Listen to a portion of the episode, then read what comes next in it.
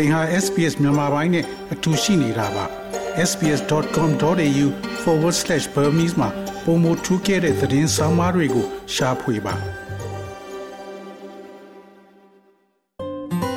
SBS မြန်မာပိုင်းကို အင်ကာနဲ့စနေနေ့ည10:00နာရီမှနားဆင်နိုင်တယ်လို့အွန်လိုင်းကနေလည်းအချိန်မီနားဆင်နိုင်ပါပြီ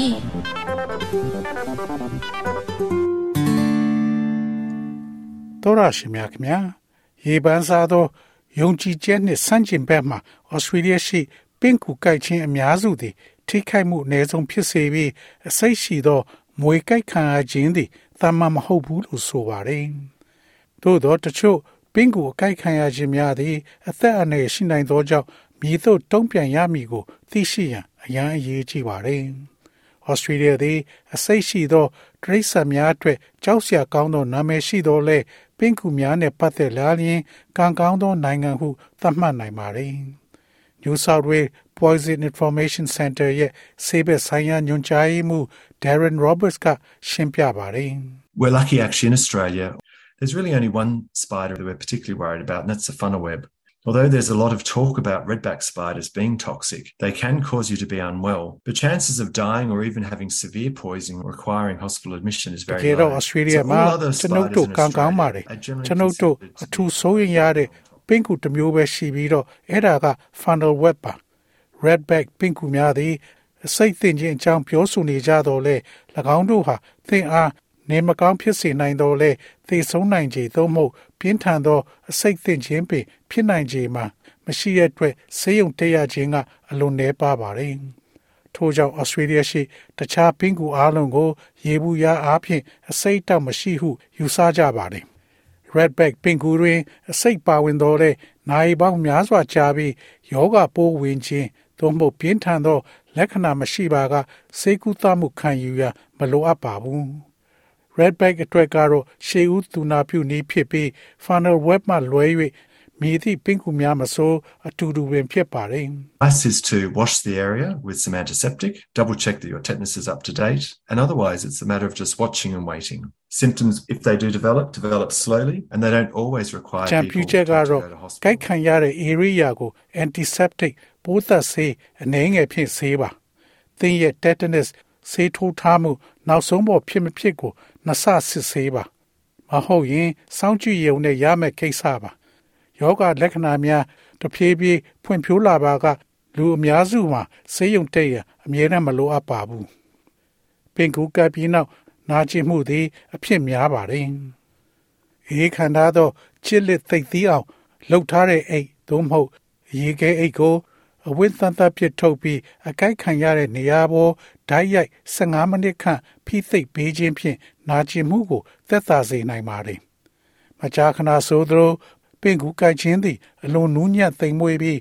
နောက်ပိုင်းတွင်သာလူတို့သည် နာကျင်မှုကို အမှန်တကယ်ခံစားရနိုင်ပါတယ်။၎င်းသည် funnel web ပင်ကူများကိုက်ခံရသည်နှင့်စန့်ကျင်ဘက်ဖြစ်တယ်လို့ဒေါက်တာ Robert ကပြောဆိုပါတယ် The web is actually a painful bite. When it bites, that's when it injects venom. And fairly quickly, within 30 to 60 minutes, people start to report symptoms pain, racing of the heart, sweating, breathlessness. People report tingling around their lips. Sometimes their muscles can feel weak and have tremors. So the funnel web spider is a major Funnel concern web because it ကိုက် causes ခံရသည်က life-threatening အမှန်တကယ် poisoning, နာ and this ကျင် can ကိုက် often ခဲမှု occur တစ် very ခုဖြစ်ပါ quickly. Someone can be အ severely ကိုက် sick ခံရ and တဲ့အခါ require an အ ambulance စိတ် and ကို require သူ special ကထိုးသွင်း treatment လိုက်တာပါမိနစ်30မှ60အတွင်းလူများသည်ယောဂလက္ခဏာများကိုလျင်မြန်စွာ ပြလာပါတယ်နာကျင်ခြင်းနှလုံးခုန်မြန်ခြင်းချွေးထွက်ခြင်း အသက်ရှူမဝခြင်းလူများသည်၎င်းတို့ရဲ့နှုတ်ခမ်းတစ်ဝိုက်တွင် ထုံကျင်လာခြင်းတခါတရံကြွက်သားများအားနှင့်လာကာတုံလုံးခြောက်ခြားခြင်းများခံစားရတတ်ပါတယ်ထို့ကြောင့် funnel web spider သည်အသက်အန္တရာယ်ကိုချိန်ချောက်နိုင်သော အစိတ်ဖြစ်စေသောကြောင့်အထူးကစိုးရင်ရပြီး၎င်းသည် အလွန်လျင်မြန်စွာ ဖြစ်ပွားနိုင်ပါသည်တစုံတစ်ဦးသည် ပြင်းထန်စွာ ဖျားနာနိုင်ပြီးလူနာတင်ရင် လိုအပ်ပြီးဆေးရုံတွင်အထူးကုသမှုလိုအပ်နိုင်ပါသည် Sean Francis သည်ဩစတြေးလျရဲ့ခြေလက်နှင့်ဝေးလံခေါင်တည်သောရရွာများရှိလေရင်ပို့ဆောင်မှုကျန်းမာရေးစောင့်ရှောက်မှုနှင့်အကျိုးအမြတ်တွေမဟုတ်သောဝန်ဆောင်မှုပေးတဲ့ Royal Flying Doctor Service Queensland ဌာနခွဲမှဆရာဝန်တဦးဖြစ်ပါတယ်။13 3939 69 933ခွန်ရှိ RFDS Delhi Healthline သည်ကျန်းမာရေးအကြံဉာဏ်အတွက်ပထမဆုံးထိတွေ့ဆက်ဆံမှုရဲ့အချက်ဖြစ်ပြီးလူများမွေနဲ့ပင်ကူကိုက်ခြင်းပါဝင် Aero Medical Care စောင့်ရှောက်မှုလိုအပ်သည့်အခါ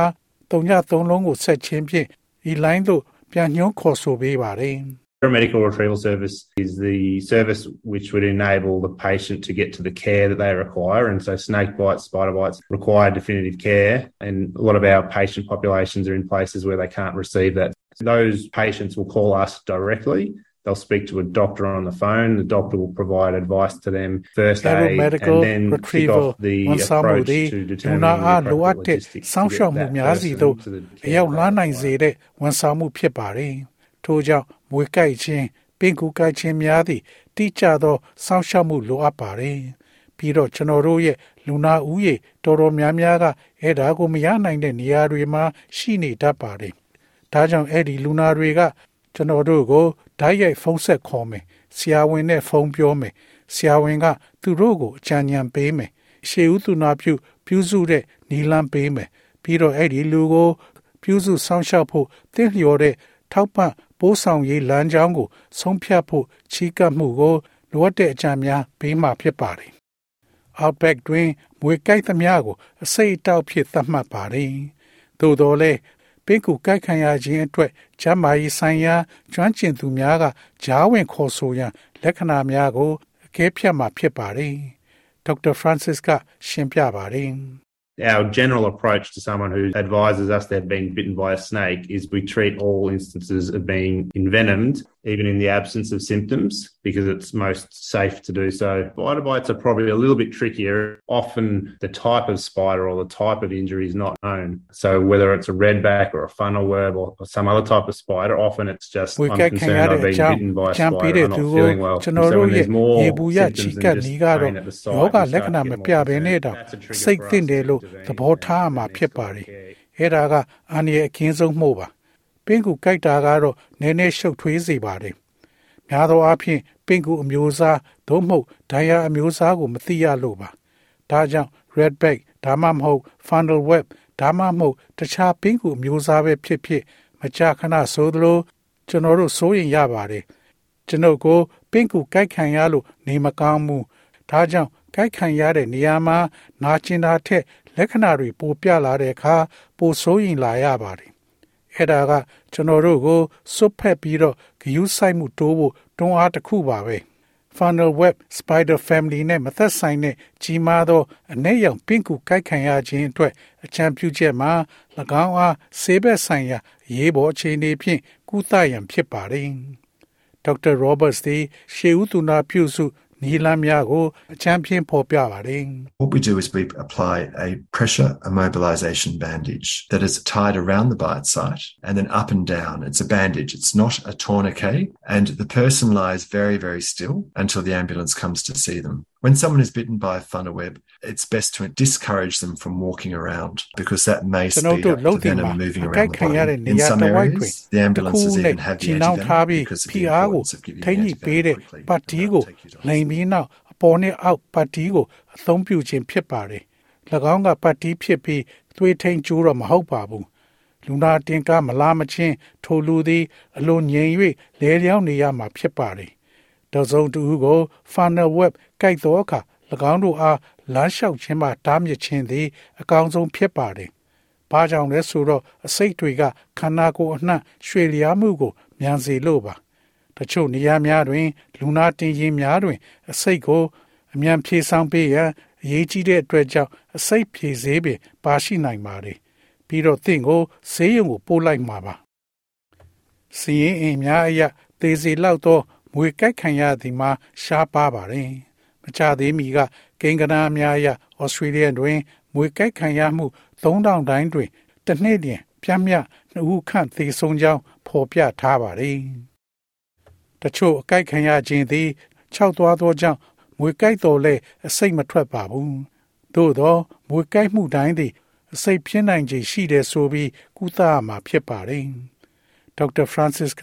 လိုအပ်သောအဆင့်30ကိုအကြမ်းပြင်းဖော်ပြပါတယ်။အကြိုက်ခံထားရသောခြေလက်အင်္ဂါကိုထိန်းထားရန်ဖိအားမုံမှန်ထားသောကြိုးကိုခွဲ၍ခြင်နှောင်းပါပြီးရင်တုံညသုံးလုံးကိုခေါ်ပါ Any snake bite needs to be managed with the same first aid, regardless of symptoms or concern about being a dry or venomous bite. So, any instance where we think a snake has bitten a patient, we instigate the same first ဝေ aid, ကိုက်ခြင်း which is a ဤ pressure သူမဆို immobilization, ယောဂလက္ bandage, ခဏများသို့မဟုတ် immobilization, ခြောက်သွေ့ခြင်း splints, သို့ and မဟုတ်စိတ်ရှိ medical care အကြိုက်ခံရခြင်းအတွက်ဆိုရင်ပူပန်မှုမရှိဘဲတူညီသောရှေးဥသူနာပြုစုနည်းဖြင့်စီမံခန့်ခွဲရန်လိုအပ်ပါသည် ထို့ကြောင့်ကျွန်ုပ်တို့သည်လူနာတဦးကိုငွေကြိုက်သည်ဟုထင်မြင်သည့်မြည်သည့်အခြေအနေမျိုးတွင်မဆိုကျွန်ုပ်တို့သည်တူညီသောရှေးဥသူနာပြုစုနည်းဖြစ်သည့်ဖိအားပေးထားသောပတ်တီမလုံမရှက်နိုင်သောပတ်တီစီးချက်နှင့်ဆေးဝါးကုသမှုများဖြစ်တဲ့တူညီသောရှေးဥသူနာပြုစုခြင်းကိုလှုံ့ဆော်ရန်လှုံ့ဆော်ပေးပါသည်ဂျီယာနီဟော့ဆိုနော့စ်သည်ဒေသတွင်ဗစ်တိုးရီးယားရှိလိုင်စင်ရမွေဖမ်းသူဖြစ်ပါသည်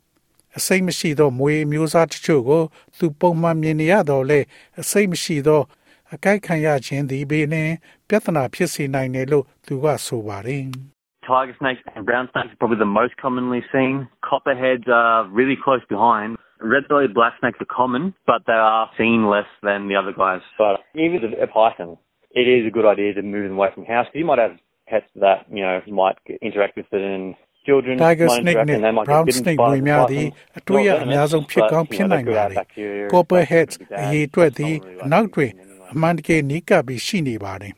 Red belly black မွေများသည်အများအပြားရှိတော်လဲ၎င်းတို့ကို တခြားအကောင်များထက်အနည်းငယ်သာတွေ့ရပါတယ်။ဒါကြောင့်စပကြီးမွေတောင်းအိမ်ကနေရွှေ့တာကောင်းပါတယ်။သင်တို့တွင်၎င်းတို့နှင့်တုံ့ပြန်နိုင်တဲ့အိမ်မွေတရိษံများရှိကောင်းရှိနိုင်ပါတယ်။ ကလေးများသည် အပြန်အလှန်တုံ့ပြန်နိုင်ပြီး၎င်းတို့သည်စပကြီးငွေကိုက်ခံရခြင်းဖြစ်နိုင်ပါတယ်။စပကြီးငွေသည်အစိမ့်မရှိတော့လဲ၎င်းတို့တွင်ဘက်တီးရီးယားများနှင့်ဆိုးဝါးနိုင်သည့်အရာများရှိနေနိုင်ပါသည်ပြီးတော့အကြိုက်ခံရတာကိုဘယ်သူမှမကြိုက်ပါဘူးမွေများသည်ချင်းချောက်ခြင်းသို့မဟုတ်ကြောက်ရွံ့ခြင်းတို့ကို မခံစားရပါက တိုက်ခိုက်ရန်အလားအလာမရှိပါဘူးမစ္စတာဟော့ဆန်သည်မွေတကောင်ကို သတိပြုမိသောအခါမလုတ်တင်သောအချို့အချက်များကိုမျှဝေထားပါတယ် don't really make big noises simply because if you're really close to it, that's going to set it into a defensive mode and it might lunge at you because it needs to protect itself. Make yourself known by sort of like moving around. This is like if it's in within, say, two or three meters, make yourself known by moving around and just back away from it, really. If you're standing on top of it accidentally, like you're walking along and တကယ်လို့ suddenly you stand ခြေ and လောင်း it's လောင်း like 30စူညံနာ centimeters မျိုး from မ you, လုပ်ပါ you နဲ့ stay dead still. ရိုးရိုးရှင်းရှင်းပြောရရင် Keep on going သင် on က its way. မွေနဲ့တကယ်နီးနေရင်မွေကအဲ့ဒါကိုခံစစ်မုတ်အဖြစ်သတ်မှတ်လိုက်တာဖြစ်ပြီးသူ့ကိုယ်သူကာဝယ်ဖို့လိုအပ်တာကြောင့်သင်ကိုတိုက်ခိုက်နိုင်ပါတယ်လက်ပတ်ချင်းဖြင့်သွာလာတာကိုသင်ကိုယ်သင်သိပါစေ၎င်းသည်2မီတာသို့မဟုတ်3မီတာအတွင်း၌ရှိနေပါက၎င်းနှင့်အဝေးမှ နောက်သို့ရွှေ့လျားခြင်းသည်သင်အဲ့ဒီမှာရှိနေတဲ့ကိုသိအောင်လုပ်ခြင်းဖြစ်ပါတယ်သင်လမ်းလျှောက်ရင်းရုတ်တရက်ရပ်နေသလိုမျိုးအမတ်တမဲ့မတ်တက်ရပ်ပြီးသင်နဲ့30စင်တီမီတာအကွာမှာမတ်တက်ရပ်နေမယ်ဆိုရင်ငြိမ်ငြိမ်လေးသင်နေလိုက်ပါသူရွှေ့ပါစေသူကတော့ဆက်သွားနေမှာဖြစ်ပါတယ်သင်အဲ့ဒီမှာရှိနေတဲ့ဆိုတာကို သူသတိမထားမိပါဘူးပင်ကူကပ်ပြီးနောက် ဘာလို့ရမယ်ကိုမသေးကြပါကလူများသည်နိုင်ငံတော်ဝန်ရှိအစိတ်များသတင်းချက်လက်ဌာနရဲ့အကူအညီလိုင်းကိုခေါ်ဆိုနိုင်ကြောင်း Dr. Roberts ကပြောဆိုပါတယ် You can always get advice from the Poison Centre on 13 11 26. The phone is answered by a trained expert 24 hours a day, seven days a week, who can help to provide advice about what is the best thing to do. Poison Center မှာအကြံဉာဏ်ရယူနိုင်ပါတယ်။တပတ်လျင်9ရက်ပတ်လုံး လေ့ကျင့်သင်ကြားထားတဲ့ကျွမ်းကျင်ပညာရှင်မှဖုန်းကိုဖြေချပေးတာဖြစ်ပြီးအကောင်းဆုံးလှုပ်ဆောင်ရမယ့်အရာနဲ့ပတ်သက်လို့အကြံဉာဏ်ပေးနိုင်ရန်ကူညီမှုများပေးနိုင်သူဖြစ်ပါတယ်။သို့သောကြိုတင်ကာကွယ်မှုအနေဖြင့်မွေကြိုက်ခြင်းအတွက်အရေးပေါ်အခြေအနေဖြစ်လာပါကတုံညသုံးလုံးကိုချက်ချင်းခေါ်ဆိုရန်လိုအပ်ပါတယ်။ If you're with anyone who has been bitten by a snake or spider and they are not themselves, for example, they look like they're confused, they collapse, they have any severe pain ဝေ or ကြိုက်ခံ other ရတဲ့ marked သူ symptoms, ဒါမှမဟုတ် don't ပင်ကူ hesitate. ကြိုက် Call ခံရတဲ့သူ triple နဲ့ zero. အတူရှိနေရင်သူတို့ဟာသူ သူတို့ကိုသူတို့ဘာဖြစ်နေတယ်ကိုသိမှမဟုတ်ပါဘူးဥပမာသူတို့ဟာစိတ်ရှုပ်နေပုံရတယ်မူလဲကြားတတ်ပါတယ်ပြင်းထန်တဲ့ဝေဒနာဒါမှမဟုတ်တခြားလက္ခဏာတွေခံစားရတာမျိုးတွေးရှိပါကတုံဆိုင်မနေပါနဲ့ 000ကိုချက်ချင်းခေါ်ယူပါတော်ရရှိမြခင်ဗျာ SBS သတင်းဌာနကဇိုဘီသမဒိုရဲ့ဆောင်းပါးကိုဘာသာပြန်တင်ဆက်ပေးထားတာဖြစ်ပါတယ်ခင်ဗျာ sbs.com.au/bemis ကို home နေရာမှာထားပြီးတော့အမြဲတမ်းနှာစင်နိုင်ပါတယ်။နောက်ဆုံးရသတင်းတွေ၊စောင်းမားတွေနဲ့စစ်တမ်းတွေမှာပါဝင်ပြီးတော့ဆက်သွယ်မှုလုပ်နိုင်ပါတယ်။ sbs.com.au/bemis ဖြစ်ပါတယ်ရှင်။